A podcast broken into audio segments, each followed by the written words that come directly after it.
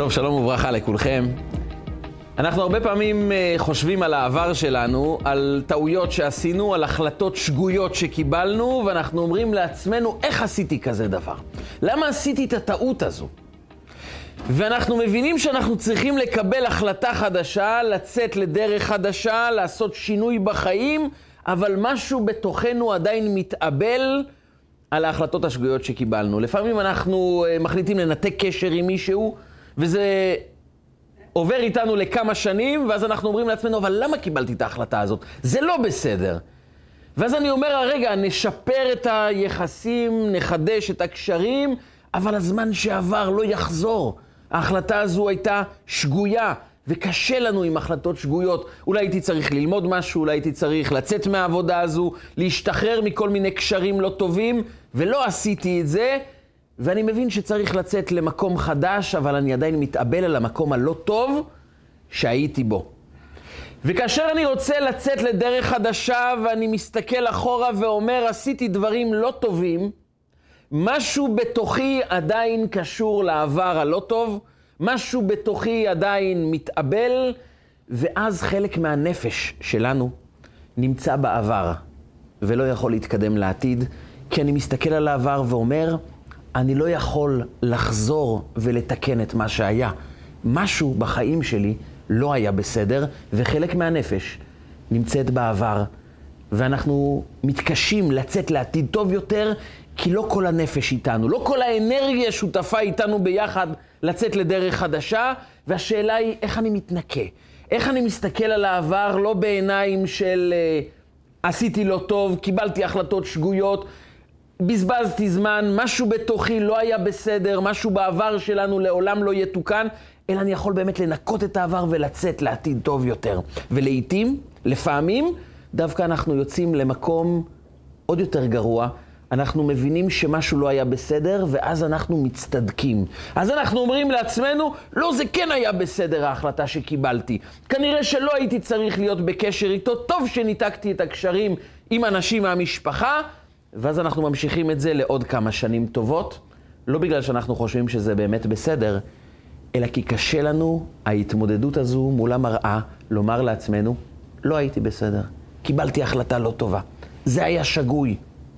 ואז אנחנו מתקשים באמת לצאת לדרך חדשה, כי אנחנו לא אוהבים את המקום הזה שלא היינו בסדר, אז אנחנו מעדיפים להישאר במקום הנוח, במקום המוכר, ולא לצאת לשינוי. והשאלה הגדולה היא, איך אדם מצד אחד אומר לעצמו, אני צריך להשתנות. זה לא בסדר להישאר במקום הזה, אני צריך לחדש קשרים, אני צריך לצאת ללמוד, אני צריך לחדש את עצמי, אני צריך לצאת לדרך חדשה, וביחד עם זה לא להלקות את עצמנו על מה שהיה, לא להתאבל על הדברים שאנחנו כיום חושבים שזה שגוי, אלא לצאת לדרך חדשה בנפש נקייה, נפש משוחררת.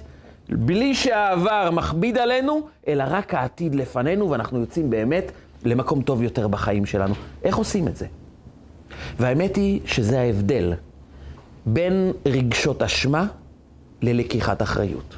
יש הבדל מהותי, הבדל משמעותי ביותר בחיים שלנו בין רגשות אשמה לבין לקיחת אחריות.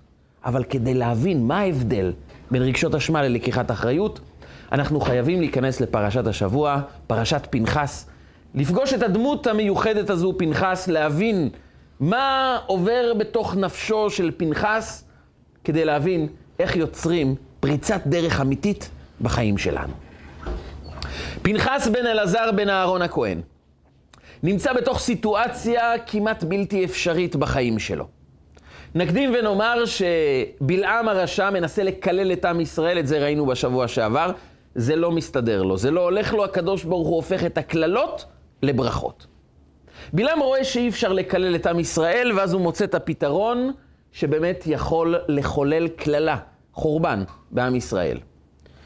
הוא מייעץ לבלק. אלוקים רוצה שעם ישראל ישמרו על התרבות שלהם, על הטהרה שלהם, על הזהות שלהם. אם אתה יכול לארגן תוהו ובוהו בתרבות היהודית, בטהרה היהודית, הקללה תחול עליהם, והם בעצמם יארגנו לעצמם מגפה. בלק מבין את העניין, הוא שולח את בנות מדיין לפתות ולהחטיא את עם ישראל, ועם ישראל הולך אחרי בנות מדיין, חוטא בחטא עבודה זרה של בעל פאור, תוהו ובוהו תרבותי בתוך העם היהודי. וההפתעה הגדולה ביותר זה שהמנהיגות בעם ישראל, משה רבנו, אהרון הכהן, הסנהדרין, בוכים, לא יודעים מה לעשות כעת.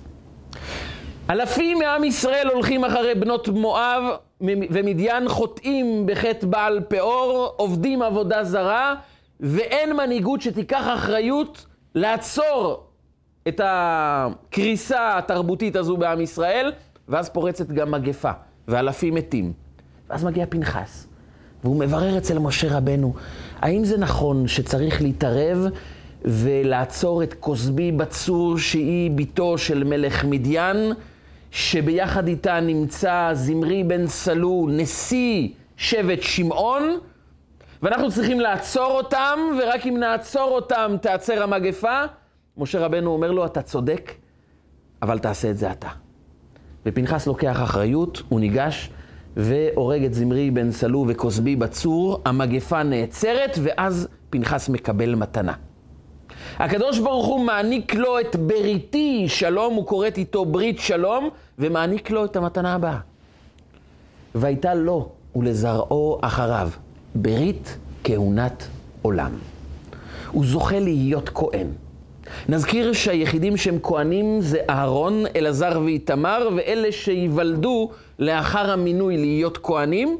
אחרי שאהרון, אלעזר ואיתמר מונו להיות כהנים, אלה שייוולדו מאוחר יותר יהיו כהנים. פנחס שנולד לאלעזר הכהן, הוא הנכד של אהרון הכהן, הוא נולד לפני כן, הוא לא יהיה כהן.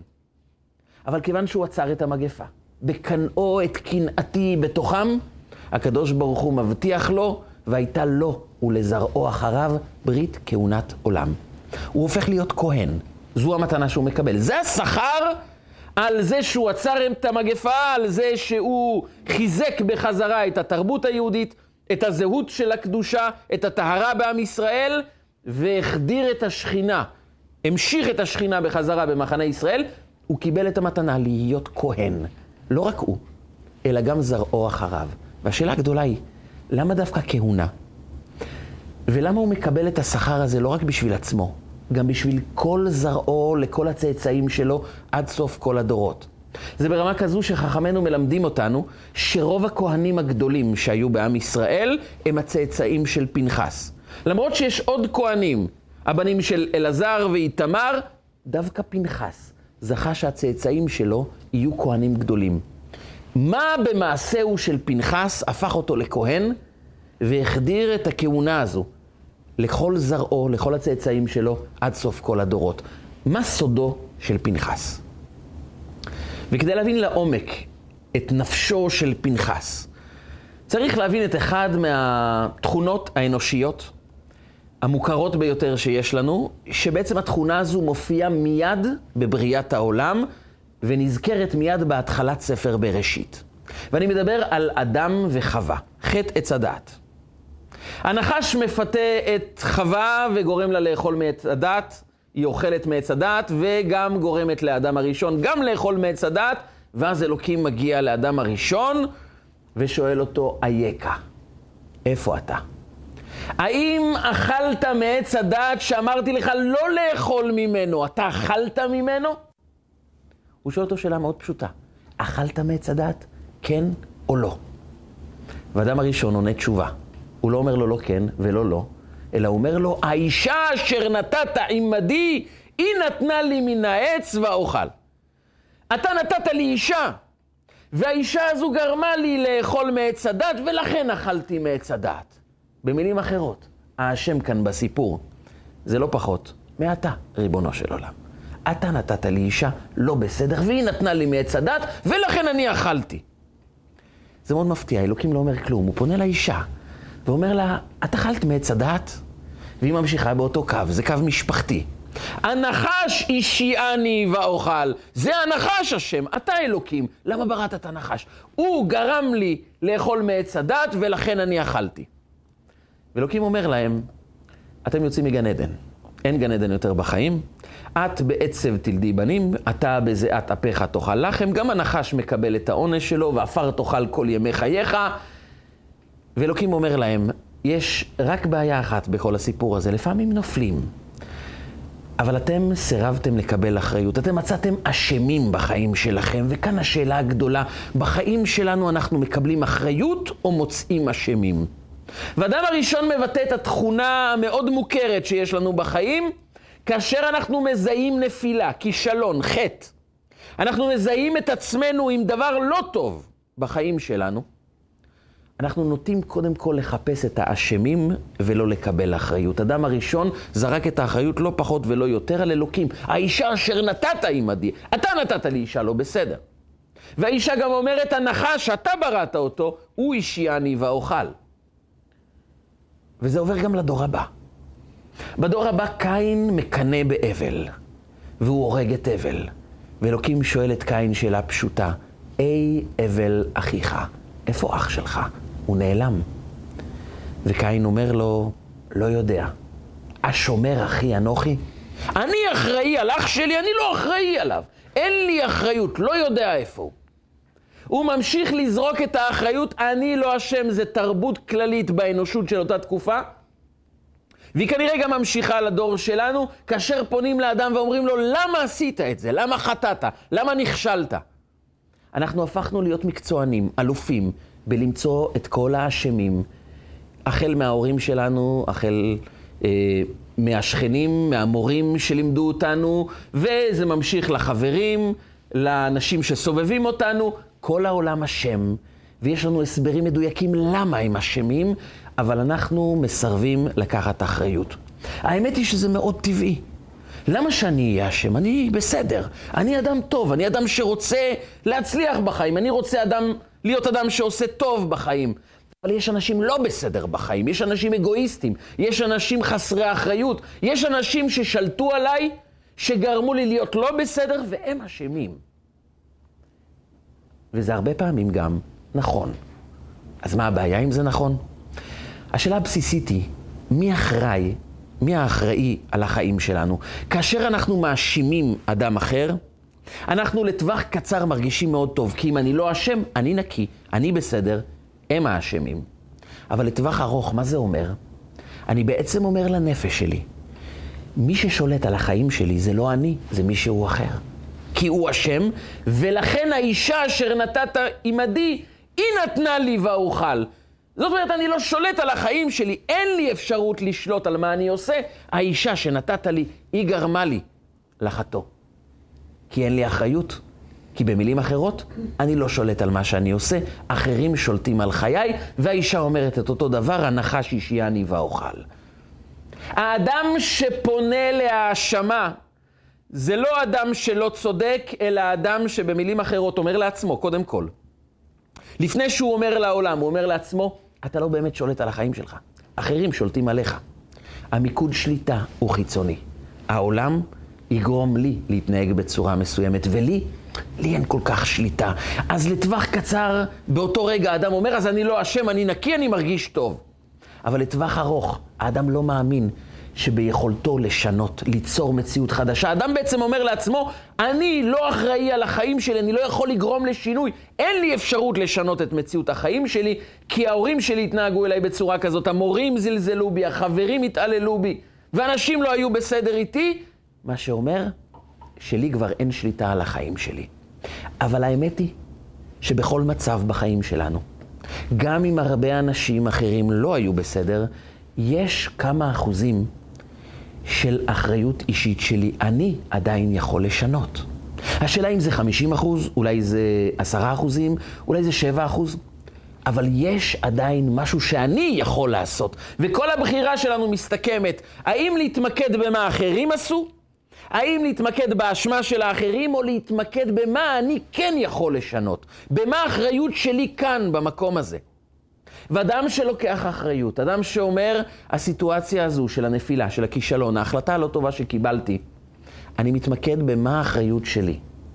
וכשאני מתמקד במהי האחריות שלי, אני בעצם אומר לעצמי, יש לי אפשרות ללמוד, להתקדם ולשנות.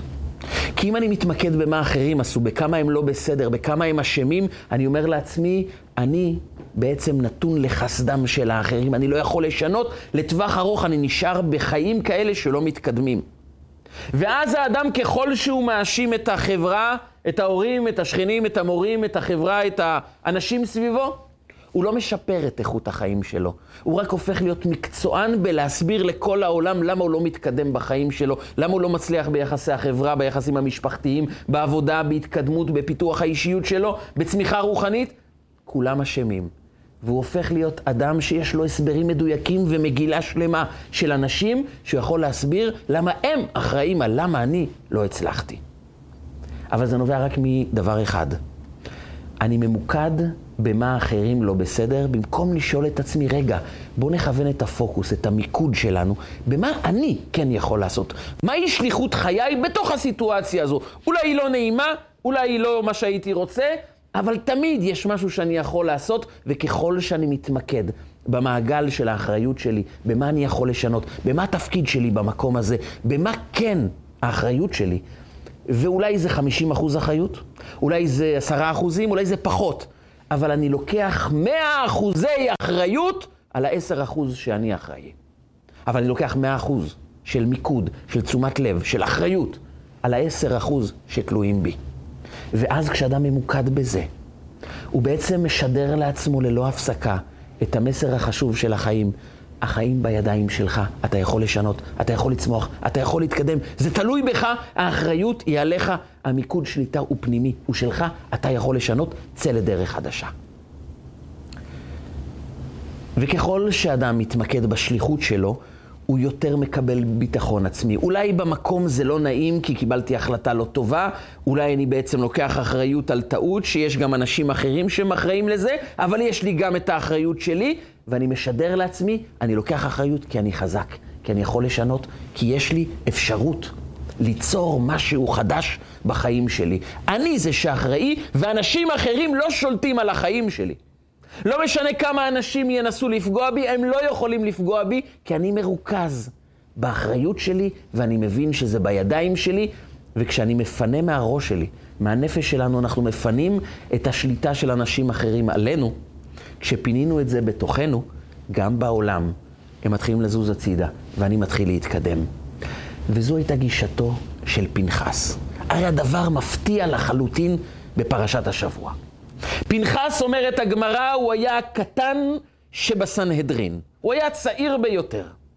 יש שבעים חכמי ישראל, הזקנים, החכמים המנהיגים. יש את משה, יש את אהרון, יש את אבא שלו, אלעזר הכהן, יש את הדוד שלו איתמר. יש מנהיגים לעם היהודי. ובתוך התוהו ובוהו התרבותי הזה, שאנשים חוטאים עם בנות מדיין, בעל פאור, עבודה זרה, הוא יכול לפנות למשה רבנו ולומר, רבותיי, רבותינו הקדושים, איפה אתם? תזוזו, תעשו משהו. אתם יודעים שיש הלכה שצריכים לבוא ולסדר את העניינים עם כוסבי בצור, ביתו של מלך מדיין, עם זמרי בן סלו נשיא שבט שמעון שחוטא כעת. תפעלו, תעשו משהו. איפה אתם? איפה המנהיגות? איפה האחראים? איפה המנהיגים? אבל הוא לא בא להאשים אף אחד. הוא לא מחפש גם אשמים. הוא בא למשה רק לברר האם האחריות שאני רוצה לקחת על עצמי היא מדויקת מבחינה הלכתית. הוא רק שואל את משה רבנו, למדתי ממך שצריך להתערב בנושא הזה, קנאים פוגעים בו, צריך לפגוע בזמרי בן סלו כדי לעצור את המגפה. האם זה נכון? משה רבנו מאשר לו הלכתית, אבל מודיע לו, אף אחד לא איתך, אתה לבד.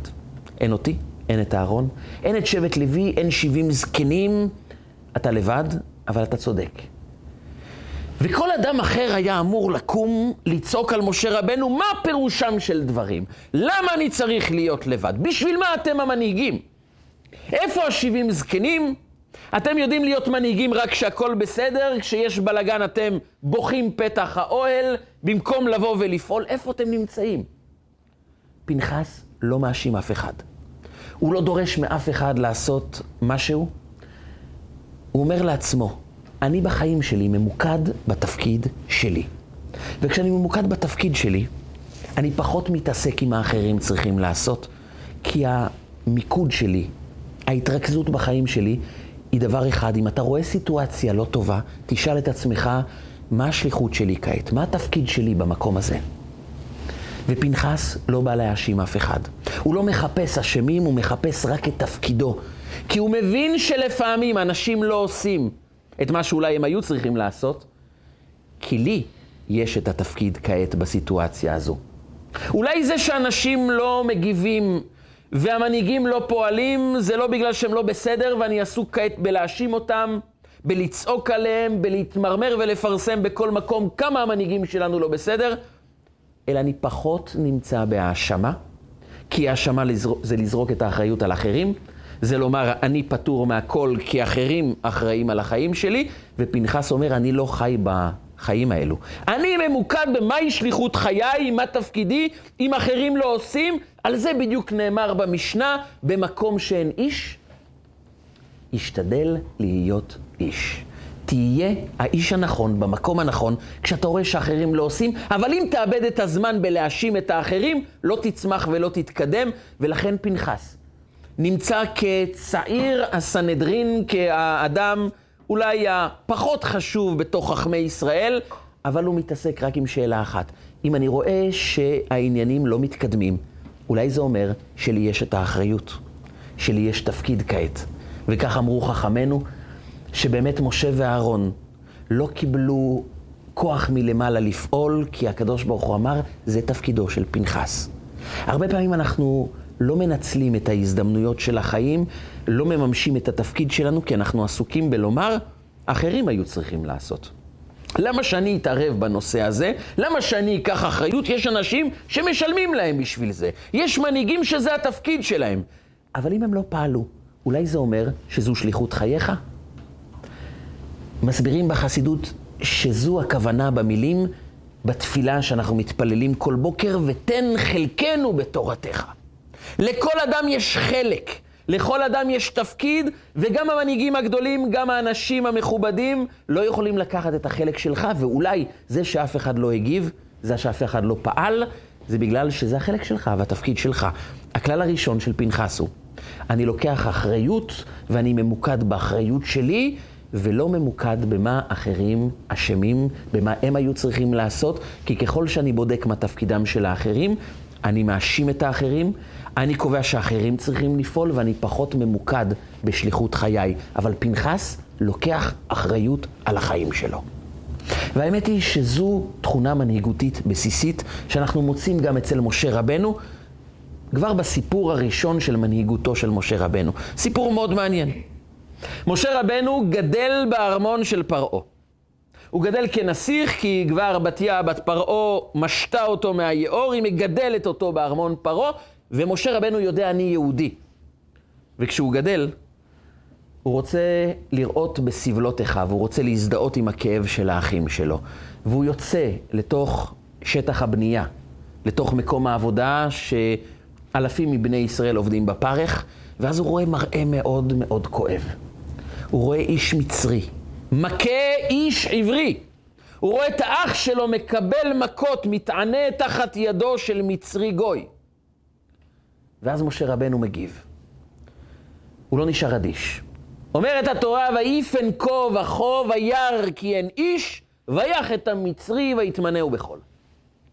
משה רבנו מביט כה וכה, מביט ימינה שמאלה, רואה שאין אף אחד, הורג את המצרי וטומן אותו בחול. שאל פעם הרבי מלובביץ' שאני לא מבין.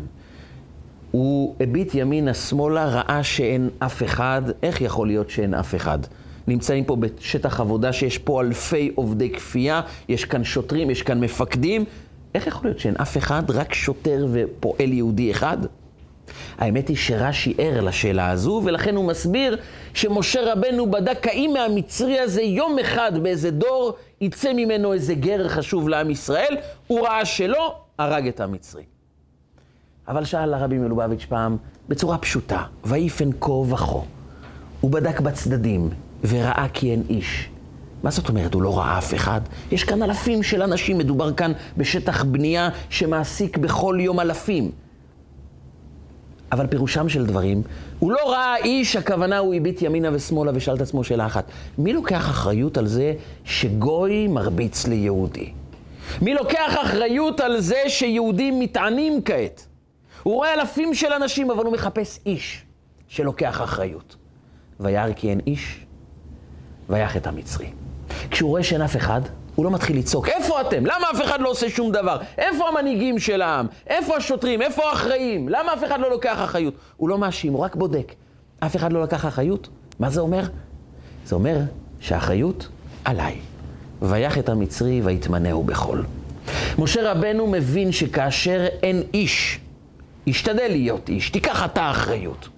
בעצם התובנה הבסיסית שהיא הופכת אדם למנהיג, זה גם כשמאוד קשה, גם כשיש אחראים אחרים, אתה תיקח אחריות גם כשזה קשה, כי כנראה שזה שליחות חייך. זה מה שאתה אמור לבצע, זה מה שאתה אמור לעשות. בעצם האחריות היא ההבנה שעליה אומרת המשנה, לא אתה בן חורין להיבטל ממנה. אל תנסה להאשים, אל תנסה לזרוק את האחריות על מישהו אחר, כי הטבע האנושי, הטבע של הלב שלנו זה לזרוק את האחריות על אנשים אחרים. כי הלב שלנו מסרב להיות אחראי, מסרב לקחת אחריות ולהיכנס למקומות שהם קצת מסובכים. אנחנו אוהבים להאשים, אוהבים לזרוק את האחריות על מישהו אחר, אבל אז, אז אנחנו באמת אומרים לעצמנו, בעצם משדרים לנפש שלנו, העולם שולט. אני, אין לי בשורה.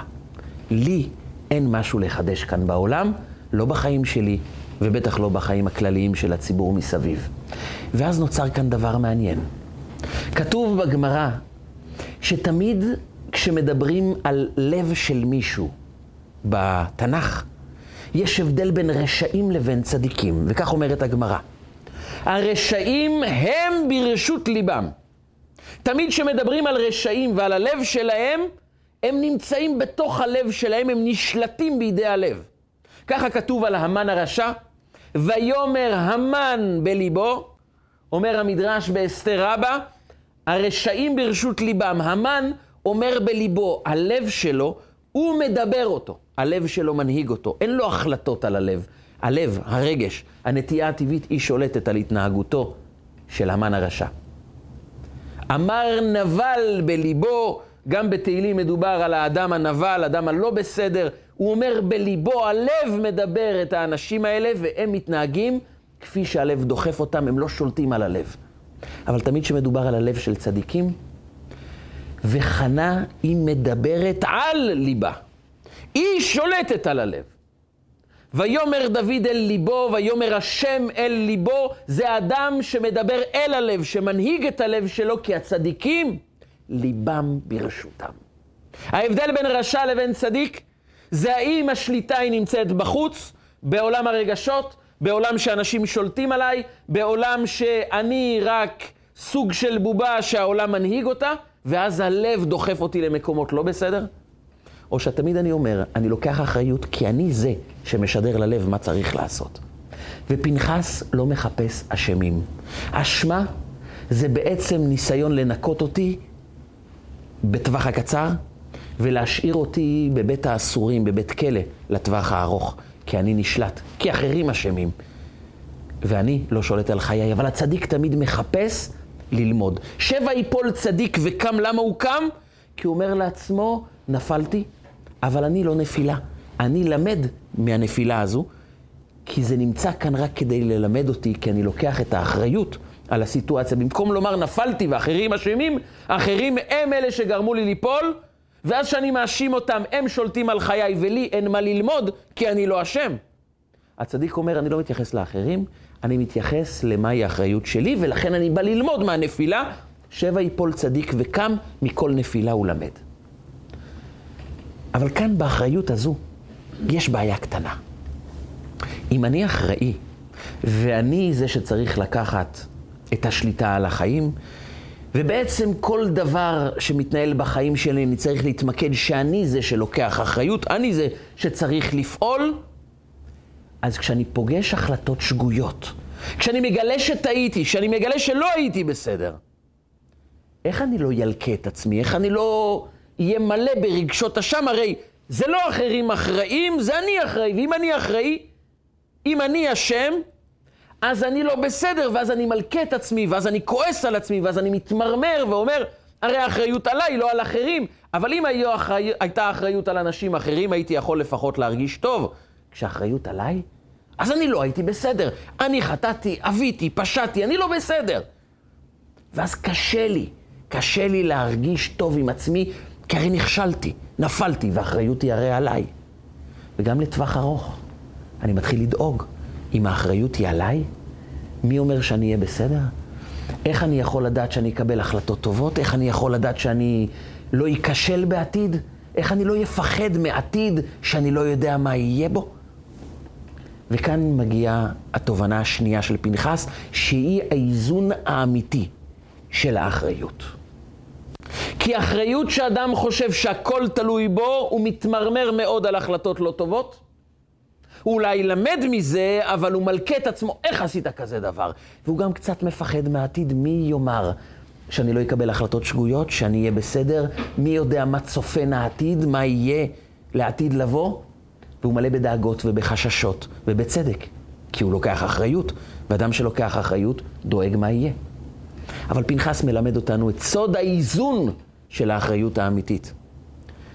פנחס, אומרים חכמינו, פנחס הוא אליהו. בכל ברית מילה גם אנחנו אומרים פנחס הוא אליהו.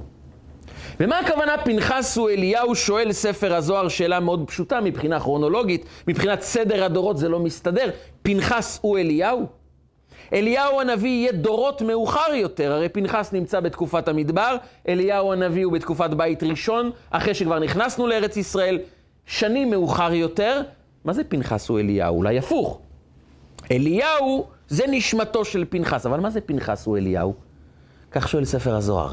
וספר הזוהר מסביר שאליהו הנביא, לפני שהוא היה אדם שחי כאן בעולם, הוא היה בעצם מלאך שמימי, כוח רוחני, שהכוח הזה נכנס בתוך פנחס, סייע לפנחס במעשה שהוא עשה מסיבה אחת פשוטה. פנחס אמור לבצע פעולה שאין לו מושג איך הוא הולך להצליח בפעולה הזו. הרי אחרי שפנחס לוקח אחריות, הוא בעצם מביט על הסיטואציה, מביט על הנתונים, והוא מגלה שאם הוא הולך להרוג את זמרי בן סלו ואת כוזבי בצור והולך לעצור בזה את המגפה, הוא הופך להיות מבוקש מספר אחד בידי הממלכה של מדיין, כי הוא הרג את הבת של המלך. שבט שמעון שנמצאים כמגינים על זמרי בן סלו, נשיא בית אב לשמעוני, הולכים גם להרוג אותו. הוא נמצא מול אלפים אלפים של עם ישראל שמתנגדים לו, שבעד לחתו עם בנות מדיין, עם בעל פאור, חטא עבודה זרה. ואנשים שאמורים להגן עליו, אומרים לו, אנחנו לא פה. אין שבט לוי, אין אנשים שיסייעו לך, אין משה, אין אהרון, אתה לבד. הגמרא מספרת על כמה וכמה ניסים שהיו צריכים להתרחש כדי שפנחס ינצל מהחיסול שרצו לחסל אותו. זה גם מבחינה רוחנית מאוד מאוד מסובך, כי יש כלל של הבא להורגך השכם להורגו, הם מלכתית יכלו גם להרוג את פנחס. והגמרא מציינת במסכת סנהדרין כמה וכמה ניסים שהתחוללו עם פנחס כדי שלא יהרגו אותו, כדי שהוא יצא צודק מבחינה הלכתית ובטח מבחינה פיזית שלא יהרגו אותו. מה פנחס חשב לעצמו כשהוא יצא לדרך? הוא הרי לא ידע שהתרחשו לו כל כך הרבה ניסים, לא היה לו מושג איך הוא אמור להינצל מתוך כל הבלגן הזה. הוא ידע שיש לו אחריות, אבל למה ניגשת לאחריות הזו כשאתה לא יודע איך תצא מהסיפור הזה בחיים? אדם לפעמים יכול לומר לעצמו, אני רוצה לקחת אחריות, אבל בסיטואציה הזו זה בלתי אפשרי, אני לא יכול לקחת אחריות, בטח לא לבד. סליחה, הייתי רוצה לקחת אחריות, אני לא יכול. אבל פנחס מלמד אותנו כלל, פנחס הוא אליהו. אתה לא לבד במערכה. אחריות אמיתית זה בעצם לומר, אני לוקח אחריות על החלק שלי, אבל אני מבין שאני לא לבד. אני מבין שלא רק אני מנהל את הסיפור, אלא גם יש כוח של ריבונו של עולם, שגם הוא מנהל את העולם. הוא רוצה שאני אפעל, אבל גם הוא מסייע כאן בסיפור. וברכך השם אלוקיך בכל אשר תעשה. אם אתה עושה, אני מברך אותך. אבל תזכור, אתה צריך לעשות, וגם כשאתה עושה, יש לך ברכה מלמעלה. במילים אחרות, כשאדם לא עושה כלום, אין ברכה מלמעלה. כשאדם עושה, שיזכור, לא רק אתה עושה, גם הברכה מלמעלה מגיעה. ופנחס מבין סוד האחריות זה להבין שאני צריך לעשות את שלי, אבל אני לא לבד. יש לי כוח מלמעלה שמסייע לי. פנחס הוא אליהו. אני לא רק פנחס, יש לי גם כוח עליון של אליהו, שעוד לפני שהוא היה נביא, הוא היה מלאך אלוקים שבא לסייע לך. כי אחריות אמיתית זה להבין שאני מחויב לעשות את מה שאני צריך לעשות. אבל אני אף פעם לא לבד, יש גם החלטה אלוקית, סיוע אלוקי, ויש גם השגחה פרטית שמלווה אותי. ולכן אני לא מפחד לצאת לדרך, גם אם אני לא מבין איך אני אמור לבצע את המשימה הזו, אבל אני זוכר שאני לא לבד. אני זוכר שגם יש לי עזר מלמעלה. על זה אמרה המשנה, לא אתה בן חורין להיבטל ממנה. אתה לא בן חורין להתבטל מהמלאכה, אבל תזכור לפני כן, לא עליך המלאכה לגמור. יש כאן עוד מישהו כאן. יש הקדוש ברוך הוא שמסייע לך. יש כאן אנרגיה מלמעלה. תבין שלא כל האחריות היא עליך. אתה לא היחיד כאן בסיפור הזה. ואז אדם יכול להסתכל אחורה על החלטות לא טובות שהוא קיבל, ובמקום להלקות את עצמו, הוא יכול לומר לעצמו מסר אחר. אני עשיתי את הכי טוב שיכולתי באותה תקופה. זה מה שיכולתי לעשות. ואם זו התוצאה, גם יש כאן השגחה פרטית. יש כאן מישהו שליווה אותי. יש כאן הקדוש ברוך הוא שהיה איתי, וזו השגחה פרטית. אין לי מה להלקות את עצמי. אני יכול רק לומר, היום אני מישהו אחר, אז הייתי מישהו אחר, ומי שקיבל את ההחלטה זה לא מי שאני היום, זה מי שהייתי אז, ואז זו ההחלטה הכי טובה שיכולתי לקבל, ואם זו ההחלטה שקיבלתי, אולי היום אני צריך לשנות, אבל אז זה הדבר הכי טוב שהייתי צריך לקבל, כי זה מגיע בהשגחה מלמעלה. יש משהו שאני יכול ללמוד. אולי שמרתי על ערך מאוד חשוב עבורי. אולי ניתקתי קשרים כי שלטו עליי, ביזו אותי והייתי צריך לשמור על כבודי, אז זה היה נכון לאותה תקופה, היום משהו אחר יכול להיות נכון. אז אני, סליחה, אז אני שמרתי על כבודי, אז אני הייתי צריך לבצע את הפעולה הזו דווקא, או לא הייתי צריך לגשת ללמוד משהו חדש כי הייתי צריך יותר מנוחה. אולי למדתי מהתקופה הזו איך נכון להתנהל ביחסים משפחתיים, יש משהו שלמדתי, אבל גם אם אני לא יודע מה למדתי מהתקופה הזו, אני רואה את התקופה הזו כלא טובה, אני יודע, אני לא לבד, יש כאן עוד מישהו. ואחריות אמיתית זה להבין שאני עושה את שלי, אבל תמיד יש את פנחס ואליהו. אתה לא רק פנחס לבד, יש גם סייעתא מלמעלה. יש גם סייעתא דשמיא, עזרה של הקדוש ברוך הוא למי שבוחר לעשות. על זה, על זה היו מספרים החסידים סיפור על אישה מבוגרת שהתאלמנה מבעלה, היא חייתה אצל הבן שלה. הבן שלה היה מנהל בית מרזח, כמו מה, הרבה פעמים העיסוק של היהודים באותה תקופה בעיירה היהודית. היו לו עשרה ילדים והוא בקושי הצליח להתפרנס. הוא היה צריך לגדל את משפחתו וגם לפרנס את אימא שלו. והפרנסה הייתה כל כך קשה שיום יום האימא שלו המבוגרת עלתה למעלה לעליית הגג. והתפללה לאלוקים, ריבונו של עולם, תעזור לבן שלי שתהיה לו פרנסה טובה. תעשה ריבונו של עולם, למשל, שתגיע פלוגה צבאית לאזור, תהיה כאן איזה חודש, ותזמין את כל האוכל מהבן שלי, שיתארחו כאן ויזרימו כסף. כי אנחנו חייבים פרנסה. אבל שום פלוגה צבאית לא מגיעה. היא יום למחרת אומרת, ריבונו של עולם, אולי תעשה שהפריץ יחגוג יום הולדת, יזמין את כל החברים שלו, וכמובן יזמין את האוכל מבית המרזח של הבן שלי. תעשה שאולי רבים החסידים יעברו כאן ויתארחו במקום, שיהיה כאן כסף שייכנס. היא מתפללת ומתפללת ואף אדמו"ר לא עובר, לפריץ אין יום הולדת כבר כמה שנים, בטח שצבא לא עובר כאן במקום, ופרנסה אין. לא רק שפרנסה אין, לילה אחד ב-12 בלילה דופק שיכור, שיכור אמיתי, על הדלת. לא מחכה שיפתחו לו, פורץ את הדלת, ניגש לבעל הבית ובצרחות אומר לו, אני צריך בקבוק וודקה עכשיו, אני רוצה לשתות. אומר לו בעל הבית, תקשיב, זה אמצע הלילה, אין לי וודקה, לאחרונה לא מגיעים אורחים, לא ייצרתי וודקה חדשה, תבוא בעוד שבוע, יהיה. אבל השיכור עצבני. הוא מתחיל לצרוח, אתם היהודים לא מבינים שפה אחרת חוץ מהשפה של האקדחים. הוא מניח אקדח על השולחן ואומר לו, אני רוצה עכשיו בקבוק וודקה, ואם אתה לא נותן, אני מחסל אותך ואת כל המשפחה שלך. הילדים מתעוררים, מתחילים לצרוח, לבכות, האמא הזקנה לוקחת את ספר התהילים, מתחילה לבכות, ריבונו של עולם, לא רק שאין פרנסה, עכשיו יהרגו אותנו, היא בוכה, יללות בכל הבית. ובעל הבית אומר לעצמו, טוב, כבר אין סיכוי להינצל, מה כבר אני יכול להפסיד? אמר לו, חכה רגע, אני אבדוק במרתף. יורד למרתף, מחמם מים, זורק כמה לימונים, זורק קצת סוכר, קצת מלח, מערבב, שופך לתוך בקבוק ריק, מגיש לו, אומר לו, זה הוודקה שלנו. מה כבר יש להפסיד? הוא מוזג לעצמו כוסית, תואם, נס. אומר, תקשיב טוב, כזו וודקה בחיים לא טעמתי, זה הרי טעים, זה כל כך משובח, אני צריך כזה שתי חביות. יש לך? הוא אומר, תראה, כזה דווקא כן יש לי. הוא אומר, אתם רואים, היהודים באקדח פתאום יש לכם חביות של וודקה, תביא את זה, אני מחכה. הוא ירד למטה, חימם מים, זרק שוב לימונים, מלח, סוכר, ערבב את הכל, נתן לו, והעיקר שננצל ממוות. הוא לוקח את שתי החביות, מעמיס על העגלה שלו, חוזר ואומר, תקשיב, אולי אני רוצח, אבל אני לא גנב. אני רוצה לשלם לך על החביות. מוציא ארגז, שם לו על השולחן ונעלם. פותחים את הארגז, מלא מטבעות זהב.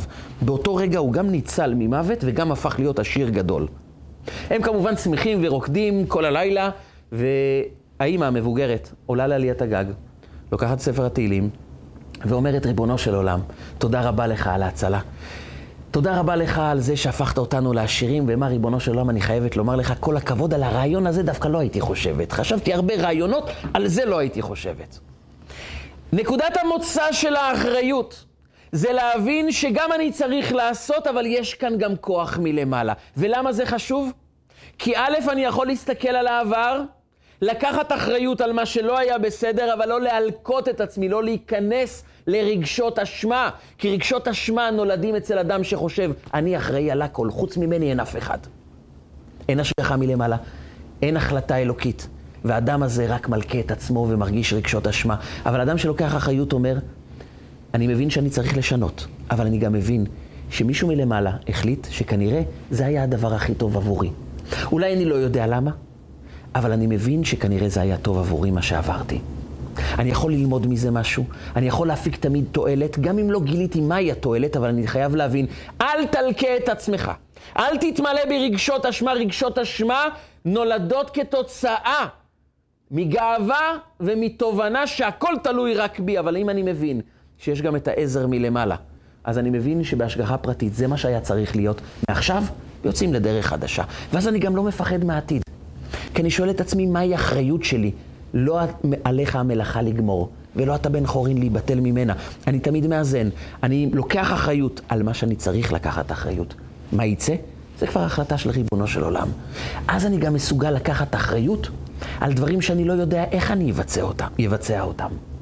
כי אדם שמפחד ממה יהיה, או לא לוקח משימות שהוא לא ברור לו איך הוא הולך לבצע אותם, ואיך זה הולך להתממש, האדם הזה מוכן לקחת כעת אחריות גם על דברים שלא ברור לי איך אני הולך לעשות את זה, בדיוק כמו פנחס, כי הוא מבין שפנחס הוא אליהו. אם זו שליחותי, אני ממוקד במה אני צריך לעשות, ואת השאר יעשה ריבונו של עולם. זה נקרא לעבור, לעבור אל מעבר סף ההבנה. היה אחד מהמנהיגים שאמר פעם, בעם היהודי לא לסמוך על ניסים זה ממש לא רציונלי. אנחנו חייבים להבין שהעם היהודי לא היה שורד ולא היה מגיע למקומות שהוא הגיע, אם אנשים רק היו מחפשים מודל מדויק של 100% הצלחה. לפעמים אתה צריך פשוט לעשות, כי זה מה שצריך לעשות. ההצלחה ביד השם. ואת התובנה הזו יכול לקבל מי שמבין שיש לי אחריות מלאה על האחוזים שעליהם אני אחראי, את השאר יעשה הקדוש ברוך הוא.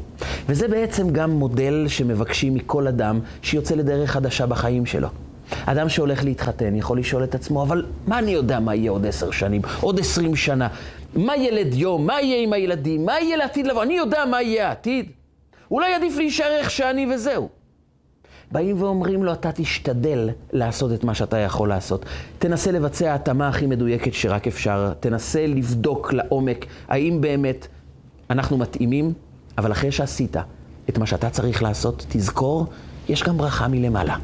ואם אתה מוכן להכיל בתוכך ברכה מלמעלה, להיות מספיק ענב מצד אחד לעשות את מה שצריך לעשות, לקבל אחריות, ומן הצד השני לדעת. אני לא לבד, יש גם השגחה מלמעלה.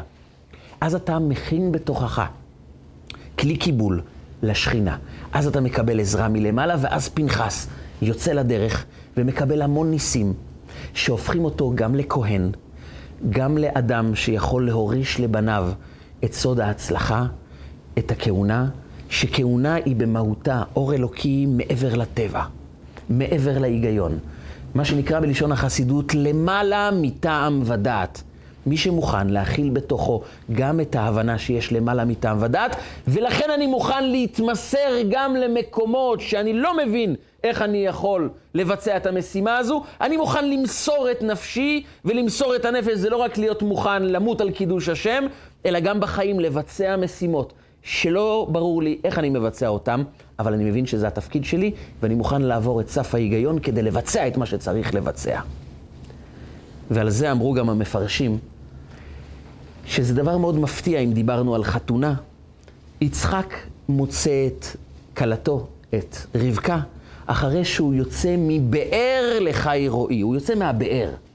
גם יעקב פוגש את רחל ליד הבאר, ובאופן מפתיע גם משה רבנו פוגש את אשתו ציפורה ליד הבאר. אמרו המפרשים, למה ליד באר? מה מיוחד בבאר? מסבירים המפרשים שיש לנו שלושה מקורות מים. יש לנו מעיין, יש לנו בור ויש לנו באר. מעיין זה מים זכים שהקדוש ברוך הוא נתן לנו כאן בעולם, והם נובעים ואנחנו יכולים ליהנות מהם. מה אנחנו עשינו? שום דבר, רק ליהנות. יש לנו את הבור. בור זה אדם שחפר באדמה, סייד את הבור, מילא אותו במים, ואז יש לו מאגר של מים, זה בור. אני אחראי על הכל כאן. ויש לנו באר. באר זה אדם שחופר באדמה כדי לגלות את הברכה שאלוקים נתן. זה השילוב בין ברכה אלוקית לעבודה אישית. ולכן פוגשים אבותינו הקדושים, משה רבנו, את החתונה שלהם, את השידוך שלהם, את האישה שלהם, ליד הבאר, כי הם הבינו, לא עליך המלאכה לגמור, יש מישהו שמנהל את זה. אבל לא אתה בן חורין להיבטל ממנה. אתה חייב לעשות פעולה, אבל כשאתה עושה פעולה, תזכור, יש כאן מישהו שבא לעזור לך. ואז פנחס יוצא לדרך והוא מקבל ברית כהונת עולם. אתה עברת את סף ההיגיון. לא נשארת בטבע, לא נשארת במימד המוגבל שלך. היית מוכן להתמסר תוך ידיעה שאני אחראי כאן על הפעולות שאני עושה, אבל אני מבין גם שיש סייעתא דשמיא, ולכן אני מוכן להתמסר גם לפעולות שלא ברור לי איך אני אבצע אותן. אז עברת את סף ההיגיון, עברת למימד על-טבעי, אתה מקבל כהונה, שזו קדושה על-טבעית. אבל גם זה עובר לכל זרעך. וכאן אומר הקדוש ברוך הוא לפנחס, אתה יודע מה יכול לשדר מסר נצחי לילדים שלך? מה מעביר מסר מהורה לבן, לנכד, לכל הדורות? זה לא כל כך מה אתה אומר, זה לא במה אתה מאמין, אלא במה אתה מוכן לעשות מעבר לטבע. מתי אתה מוכן להתמסר? וכשאתה מתמסר ואתה מוכן לבצע פעולות שהן לפעמים נוגדות את ההיגיון, אבל אתה מבין, זו שליחות חיי ואני אעשה הכל בשביל זה. ילד רואה מסירות, הוא מקבל את התובנה, או את ההרגשה הפנימית, גם אני רוצה להתמסר. זה היה הסוד של ברכת יצחק ליעקב. אם נרנן את הזיכרון, רבקה קוראת ליעקב ואומרת לו, אבא שלך רוצה לברך את עשיו. הברכה הזו היא קריטית לעם היהודי. אתה חייב ללכת לאבא שלך ולומר לו שאתה עשיו ולקחת את הברכות. זה דרמטי, זה חשוב ביותר בשביל העם היהודי. אומר לה יעקב, אבל אימא, אם הוא יזהה שאני לא עשיו, שאני יעקב, והבאתי עליי קללה ולא ברכה. אני לא יכול לגשת, אני מסתכן בלקבל קללה מאבא, שזה לכל החיים, להיות מקולל. אומרת לו אימא שלו את המשפט הבא, עליי כלילתך בני. לך תיקח את הברכות. אם קיבלת קללות, זה עליי. תלך לקחת את הברכות.